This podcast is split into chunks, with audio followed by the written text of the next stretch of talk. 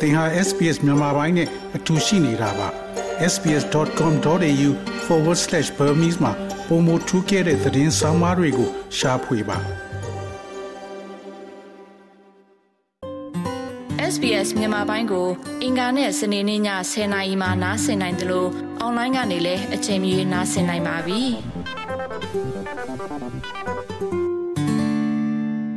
ချင်းပြည်နယ်စကိုင်းတိုင်းတို့နဲ့နယ်နိမိတ်ချင်းထိစပ်နေတဲ့မကွေးတိုင်းဒေသကြီးမှာလက်နက်ကင်ခုခံတော်လှန်စစ်ပြင်းထန်ခဲ့ပြီးနောက်ဒေသခံတသိန်းကျော်ဟာနေရက်စွန့်ခွာပြီးထွက်ပြေးနေရပါတယ်။အဲ့ဒီတသိန်းကျော်ထဲမှာမက်ဝေလူကိုဝင်တဲ့တယောက်လည်းအပါအဝင်ပါ။အသက်20သားရှိသေးတဲ့မက်ဝေဟာ9နှစ်အရွယ်နဲ့3နှစ်အရွယ်ကလေးပါဝင်ဘိုက်ထဲမှာလည်းကလေးလွယ်ထားပြီးထွက်ပြေးတိမ်ရှောင်ခဲ့ရပါတယ်။ သူ့ရဲ့တတိယမြောက်ကလေးငယ်ကိုတော့စစ်ဆောင်စကန်မှာအာဟာရချို့တဲ့စေဝါထောက်ပံ့မှုမစုံလင်တာတွေအပြင်စစ်ဆောင်တဲထဲမှာပဲလက်တယ်မပါမအေးဖြစ်သူနဲ့သာမွေဖွားခဲ့ရတာပါလက်ရှိကလေး6လပြည့်ကန်ဒီအထိမိသားစု9ယောက်ဟာတနေ့တာကိုစားဝင်နေရင်မဖူလုံစွာနဲ့ရင်ဆိုင်ဖြတ်တန်းခဲ့ကြရပါတယ် အိမ်ရဆွန့်ပြီးပြည်သူအချင်းချင်းရဲ့လှူဒန်းမှုကိုသာအားကိုးနေရတဲ့မက်ဝေလိုမွေးကင်းစကလေးငယ်ရဲ့မိခင်တယောက်အတွက်တော့နေ့စာညစာချိုးကြံချွေတာနေရတဲ့ကြားမှာအာဟာရပြည့်အောင်မစားနိုင်တာဟာဖြည့်လို့မရတဲ့ကွက်လက်တစ်ခုဖြစ်နေတာပါ။ပဲကြည့်နေတော့မှတော့စီကြောင်းနေရထိုးအဲ့ချင်းကြတော့ဟာစီကြောင်းထိုးအဲ့ချင်းကြတော့ပဲကြည့်နေလို့ပြေးထားနေရတယ်။အင်းပြေးထားရင်းနဲ့မွေးရတယ်။ အဲ့လိုပြေးပြေးထားရင်းနဲ့မွေးရဆိုတော့ရှင်းရတာပေါ့။ဟောပထမမွေးထားတဲ့ကလေးတွေကတော့ကိုဝင်ဆောင်ဆောင်မှုတွေရှိရကိုဟိုလေတဲ့ချီမလေးဆောင်ဆောင်ပေးကြရဆရာဆရာမတွေကအဲ့လိုရှိတဲ့ထုတ်ပေးကြတယ်အားရှိတယ်ပေးကြတယ်ဆိုအဲ့လိုအဆင်ပြေတယ်အခုတော့ရောမျိုးကြရစီဆောင်စခမ်းမှာအဲ့လိုရှိလို့ရှိပါတယ်အဆင်ပြေရှိသူပေးဖွာတယ်အဆင်ပြေဆိုတော့အဲ့လိုဟာရရှိဖို့စားစားရီစားပြီးစားပြီးဖွာတယ်အဆင်ပြေဦးတယ် အင်းငါလိုကိုကနေကိုပဲမရဆန္ဒခေါ်ဖွာကြတယ်ညမှာညမှာကြတော့အဲ့လိုအဆင်ပြေဦးလေတော့လာပို့အစီဆောင်စခမ်းမှာဆန္ဒလည်းမရှိဆိုတော့ခက်တယ်အဲ့ချင်းကြတော့အဲ့လိုကိုအမိနဲ့ပဲလိုပဲဖြစ်ဖြစ်ဖြစ်လာရဲ့အရာကိုအကောင်းဆုံးဖြစ်အောင်ဖြတ်တန်းမိမှာပဲကိုယ်စီကိုထင်းမိမှာအဲ့လိုပြင်မနိုင်မှာပါဆိုတဲ့စိနဲ့ပဲကိုယ်စီကိုလိုတန်းနေဆုံးဖြစ်မှာမရရဲ့အတင်းဒီကြိုးစားပြီးမရတာပါနေရက်စွန့်ခွာထွက်ပြေးရတဲ့ဒေသခံတွေအများဆုံးဖြစ်တဲ့ ကရားပြည်နယ်မှာတော့ကိုဝင်တဲ့အမျိုးသမီးတွေဟာကြောတောင်ထဲမှာပဲမိဖွာရတဲ့အခြေအနေပါပြည်သူအချင်းချင်းရဲ့ထောက်ပံ့မှုကိုသာမျှော်လင့်လို့ရတဲ့တိမ့်နဲ့ချီတဲ့ကရားပြည်နယ်ကဒေသခံတွေအတွက်တော့လုံလောက်တဲ့စားနပ်ရိက္ခာနဲ့ဆေးဝါးရရှိမှုအခြေအနေတွေကအများကြီးလိုအပ်နေတယ်လို့ကုညီထောက်ပံ့ပေးသူတွေကဆိုကြပါတယ်။ ကိုဝင်ဆောင်ထားရတဲ့အမျိုးသမီးတွေအတွက်လုံခြုံတဲ့နေရာထိုင်ခင်အာဟာရရရှိမှုကိုဝင်စောင့်ရှောက်မှုအခြေအနေကလည်းကရားပြည်နယ်အတွင်းအများကြီးလိုအပ်နေပါသေးတယ်။မွေးကင်းစကလေးအချို့ဟာအာဟာရချို့တဲ့စွာမွေးဖွားလာရတာကြောင့်သေဆုံးမှုတွေလည်းဖြစ်ပေါ်နေပါတယ်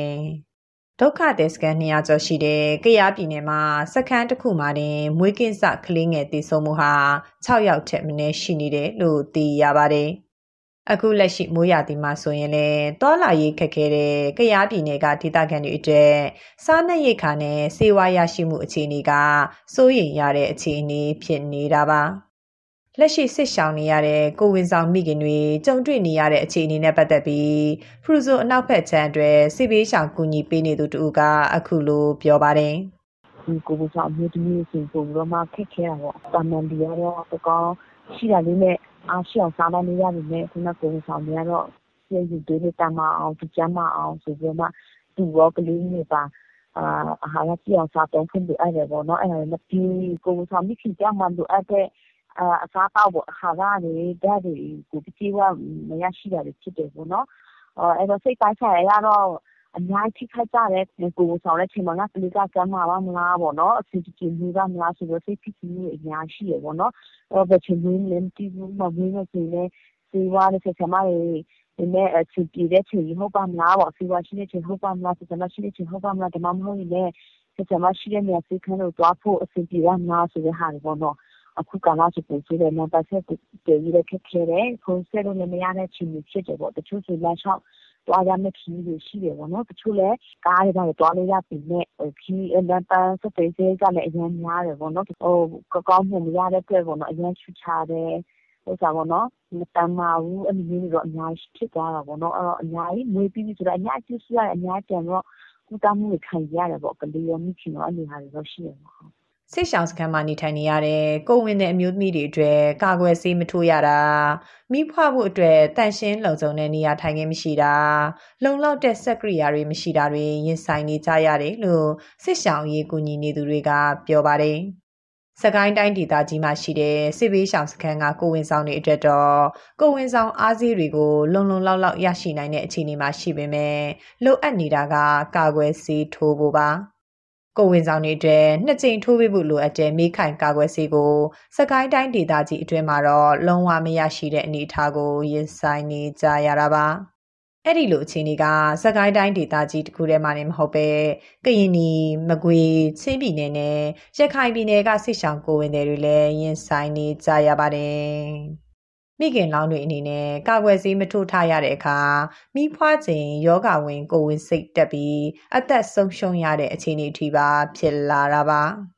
ဒါကြောင့်စကိုင်းတိုင်းဒေသကြီးအတွင်းမှာတော့ကိုဝင်ဆောင်တွေအတွက်ကာကွယ်ဆေးမထိုးပေးနိုင်သေးတဲ့အချိန်တွင်အသက်ဆုံးရှုံးတာတွေမရှိရအောင်ပညာပေးလုပ်ငန်းမျိုးတွေပဲလုပ်နိုင်တယ်လို့စီယာဝင်တူကပြောပါတယ်ကာကွယ်ဆေးတွေထိုးပေးနိုင်ရင်တော့အကောင်းဆုံးပေါ့ဗျာနော်ကာကွယ်ဆေးတွေထိုးမပေးနိုင်တဲ့ကာလမှာဆိုရင်တော့ ကိုယ်ဝင်နေဟာယူယူမွေရမှာလားခွဲမွေရမှာလားဆိုတာဝေဖန်ပိုင်းချနိုင်ခြင်းမရှိဘဲနဲ့နော်ဒီမှာအရက်လက်တွေနေပဲဒီလိုမွေးကြဖွားကြတဲ့အခါမှာမနိုင်မနှင်းဖြစ်တာမှရောက်လာတာမျိုးဆိုရင်တော့ဒီပြန်အတွက်ရောကလေးတွေရောကျွန်တော်တို့ဟိုတော်တော်ကြိုးစားရတယ်နောက်ကစိုးရင်ရတယ်ပေါ့နောက်တစ်ချိန်မှာတော့ဒီယောဂါတွေနဲ့ပတ်သက်ပြီးကာကွယ်မှုမရတဲ့အခါမှာဒီလိုဆိုးကျိုးတစ်ခုတော့ခံစားရနိုင်တာပေါ့ ဒါပေမဲ့ အဲ့ဒီဥစ္စာတွေကိုကာဘာပေါ့ကာဘာအနေနဲ့ ကျွန်တော်တို့ လုပ်ပေးနိုင်တဲ့ ကဏ္ဍကတော့ ကျမ်းမာရေးအသိပညာပေး ဟောပြောပွဲပေါ့ဟိုအခုချိန်မှာ ကျွန်တော်တို့ လုပ်နိုင်တာ ဒါလုပ်နိုင်တာဆိုတော့ အဓိကအားရဖို့ပဲ အားစိုက်လုပ်ပေးပါရဲ့အခုတို့အနေနဲ့တော့ ကာကွယ်ပေးရတော့ ထိုးနိုင်ကောင်းပါလေမထိုးနိုင်ဘူးတော့ဆိုရင်တော့ ကလေးတွေအနေနဲ့ရောဒါမိခင်တွေအနေနဲ့ရော နောက်တစ်ချိန်မှာ ဒီကာကွယ်ပေး မရှိတဲ့အတွက်နော်ယောဂါတွေ ပုံကြွလာမယ်တော့ဆိုတော့ဒီလိုထန်ခံရနိုင်တာပေါ့ အဲ့ဒီအခုပြောပါ မိခင်လောင်တွေအတွက်ကိုဝင်တက်တန်3လလောက်ခရေကကျန်းမာရေးစောင့်ရှောက်မှုပေးရတာပါဒါအပြင်3လတစ်ချိန်နဲ့6လတစ်ချိန်မိခိုင်ကာကွယ်ဆေးထိုးကြရပါတယ်တင်မင်းနဲ့စစ်ခင်ပြီးခလေးမွေးရမှာဖြစ်တဲ့မိခင်လောင်တွေအတွက်စေဝါထောက်ပံ့မှုတွေအပြင်ခလေးငယ်ရောမိခင်အတွက်ပါလုံလောက်တဲ့အာဟာရရရှိမှုဟာလည်းအလိုအဆုံးဖြစ်နေပါတယ် မွေးဖွားလာမဲ့ကလေးငယ်ကျန်းမာဖို့ကိုလက်အင်ကာပြည့်စုံပြီးညံရည်မိဖို့ဆိုတာဟာကိုဝင်ဆောင်ကာလမှာကလေးကစေထိုးစေတောက်ပြီးအာဟာရရှိအောင်နေကြရတာဖြစ်ပါတယ်လက်ရှိနိုင်ငံအနှံ့မှာစစ်ပေးရှောင်နေရတဲ့ကိုဝင်ဆောင်တွေအတွက်တော့ကလေးကိုဘယ်နေရာမှာမွေးဖွားရမလဲဆိုတာတော့ရွေးချယ်ခွင့်မရတဲ့အခြေအနေပါ ရခိုင်ပြည်နယ်ကြောက်တော်မြို့ကမဟာမုနိစစ်ရှောင်းစခန်းမှာနေထိုင်နေတဲ့အသက်26နှစ်အရွယ်မမိုင်းမိုင်ကတော့ကိုဝင်ဆောင်ထားတာ၈လရှိပြီမို့မွေးဖွားဖို့ရက်ကလည်းနီးလို့လာနေပါပြီရေရုံမွေးမယ်ဆိုတော့တဲ့ဒီမှာပဲမွေးတော့မယ်လို့ဆရာမကြီးပေါ်ပြီးတော့ပေါ့ဖြစ်ကြတော့မယ်အချိန်တော့မလို့ဒီမှာတော့ကေစီမနေရတာဆိုတော့အခက်အခဲဆိုတော့လေဒီမှာကစနေခါဆိုတော့လေပုံမှန်မရလာတော့ဘူးလေအဲဒါကြောင့်ပတ်စံလေးအစီအစီကတော့မယ်ဆိုတော့ပတ်စံလိုတာပေါ့အဲဒါကြောင့် လက်ကျပတ်စံမရှိဘူးလို့စီစဲစီရောက်မှလည်းအဲဒါကြောင့်ဒီဒီတက်မွေးတော့အိမ်မှာမွေးချင်တာပေါ့မတက်တော့အခက်အခဲကျုံလာတဲ့အခါကျရင်တော့ဟိုကြောက်တော့သွားတာပေါ့မွေးနိုင်မလားမမွေးနိုင်ဘူးလားအဲ့ဒါတော့မသိဘူးလေအဲ့တော့ဆိုရင်ဒါပေါ့ကိုရင်ကိုရနဲ့နေရတာဆိုတော့လေအဲ့လိုဖြစ်ဆိုရင်ပြဆိုရင်လည်းစိတ်တွေကအဲ့လိုမရှိဘူးပေါ့အခုကဒီဆောင်စကဲမှာကျတော့အစီမပြေဘူးနေနဲ့နည်းနည်းပါဆိုရင်ဒါပေါ့နော် တိုင်းရင်းသားလက်နက်ကိုင်တပ်ဖွဲ့တွေနယ်မြေစိုးမိုးထားနိုင်တဲ့နေရာအချို့ကဒေသခံတွေအတွက်တော့စေဝါရရှိမှုအခြေအနေကခေါင်းဆောင်တွေရဲ့ထိန်ချုပ်မှုအောက်မှာရှိပါတယ်။လက်နက်ကင်ခေါင်းဆောင်တွေနဲ့ CDM ဝင်ထားတဲ့ဆရာဝန်သူနာပြုအပါအဝင် အဖွဲ့အစည်းတွေစုပေါင်းပေးတဲ့စေဝါဆောင်ရှောက်မှုကိုကိုဝင်ဆောင်တွေရရှိကြပါတယ်။ ကရင်ပြည်နယ်အတွင်းမှာတော့စစ်ရှောင်းစခန်းအတွင်းမှာပဲခလေးမီးဖွားပေးတာခွဲမွေးဖို့လိုအပ်သူတွေကိုတောင်ရင်မြစ်တစ်ဖက်ကမဲဆောက်စေးရုံကိုချိတ်ဆက်ပို့ဆောင်တာမျိုးတွေလှုပ်ဆောင်နိုင်ကြပါတယ်။လက်ရှိကာလအတွင်းကြောက်ခက်စစ်ရှောင်းစခန်းမှာတော့ကျမ်းမာရေးဆောင်ရှားမှုခံယူနေတဲ့ကိုဝင်ဆောင်အယောက်20ရှိပြီးစခန်းမှာပဲမိဖွားပေးနိုင်ခဲ့သူ10ရောက်ဝန်းကျင်ရှိခဲ့ပါပြီ။ ဒုက္ခတဲ့စကန်လိုမျိုးနာမည်မခံထားတာကြောင့်ကိုဝင်ဆောင်တွေအတွက်ပြင်ပကနေအကူအညီတွေလုံးဝမရတာလည်းရှိပါတယ်။ KNU တပ်မဟာ6နယ်မြေအတွင်းကကြောက်ခက်စစ်ဆောင်စခန်းမှာရှိတဲ့ဆရာဝန်တူဖြစ်သူဒေါက်တာဟယ်ရီကတော့လက်ရှိထောက်ပံ့မှုတွေကကိုဝင်ဆောင်အမျိုးသမီးအားလုံးအတွက်မလွမ်းခြုံနိုင်တဲ့အခက်အခဲတွေရှိနေတယ်လို့ဆိုပါတယ်။လက်ရှိတော့ကျွန်တော်တို့လုံနိုင်တဲ့အနေထားကတော့ဒီဘက်မှာစေးချားစေးပိုင်းတွေလည်းအယုံထားရရှိတယ်။အဲ့တော့ ဒီကိုဝင်စေအတွက်ကိုဥတီပြီးတော့ဆောင်းဆောက်ခြင်းနဲ့ဆိုလို့ရှိရင်ကရင်ပြည်နယ်တစ်ဝိုက်မှာလုပ်နေတဲ့ကျမရေးအဖွဲ့အစည်းတွေရှိပြီးသားပေါ့နော်အဲ့အဖွဲ့အစည်းတွေကနေတစ်ဆင့်အာဒီမှာဆိုလို့ရှိရင်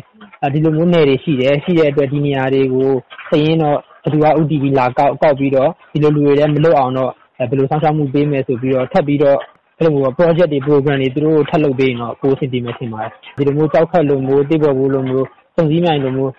ဂျားထဲမှာညက်ပြီးလွတ်နေမယ့်နေရာတွေများသောအားဖြင့်ကလည်းမလာရဲကြတာလည်းပါမယ်ပေါ့နော်ဟိုဘက်တိမိခိကော့ကန့်လိုနေရာမျိုးဘက်ကျတော့ဟိုအားလုံးကလည်းပေါက်ရောက်ဖို့လွယ်တဲ့အချိန်မှာဒီဘက်ကျတော့လက်ရှိဒီစစ်စစ်ချင်တွေကဂျားညက်နေတဲ့အချိန်ကျတော့လည်းဘယ်ဖွဲ့စည်းမှလည်းတိတ်မသွားမလာကြဘူးဆိုတော့ကြတော့တွားလာပြီးတော့လုတ်ပေးမဲ့လက်ရှိမြေပြင်မှာဆိုရင်အဲကျမရေးကရင်ဖွဲ့စည်းရရှိရပါတော့သူတို့ကိုတစ်ဆင့်ဆက်သွယ်ပြီးတော့သူတို့ကနေတစ်ဆင့်စရင်ဘယ်လိုဖတ်ကိုကောက်ပြီးတော့ဘာတွေတက်စီနေပေးနိုင်မလဲဆိုပြီးဆွေးနွေးရင်တော့ဟိုကောင်းမှထင်ပါတယ် အနာဂတ်ရဲ့ရင်သွေးငယ်တွေကိုကိုလကြာလွယ်ထားရတဲ့ကိုဝင်ဆောင်အမျိုးသမီးတွေအတွက်တော့စစ်ပွဲတွေကြားလုံခြုံစိတ်ချရတဲ့အခြေအနေမျိုးမရှိတဲ့အပြင်စေဝါမစုံလင်မှုတွေကြားတက်တီရှိရှိရင်ဆိုင်နေကြရတဲ့အခြေအနေပါမွေးဖွားလာပြီးတဲ့ကလေးငယ်တွေအတွက်လည်းချက်ကျိုးကြရနေရဟာရောက်ရှိနေတဲ့ဒုက္ခသက်စကန်လို့ဆိုကြရမှာပါ ဒီလိုစစ်ဆောင်စခန်းတွေမှာရှင်သန်ကြရမယ့်ကလေးငယ်တွေအတွက်လက်ရှိအချိန်မှာမိခင်လောင်တွေမျှော်လင့်တာကတော့ပြည်သူအချင်းချင်းဖေးမမယ်ကန့်လက်တွေပဲဖြစ်ပါတော့တယ်။ဒီသတင်းဆောင်မကိုတန်လွင်ခက်ကပေးပို့ထားတာဖြစ်ပါတယ် SBS မြန်မာပိုင်းကိုနားဆင်ရတာနှစ်သက်ပါတလား Facebook မှာဆွေးနွေးမှုတွေကိုဆက်ကြရအောင်ပါ SBS မြန်မာပိုင်း Facebook ကို Like လုပ်ပြီးတော့သင်ချင်တဲ့ချက်ကိုမျှဝေနိုင်ပါတယ်။ SBS Bemis ကို Facebook မှာ Share ကြည့်နိုင်ပါတယ်ရှင်။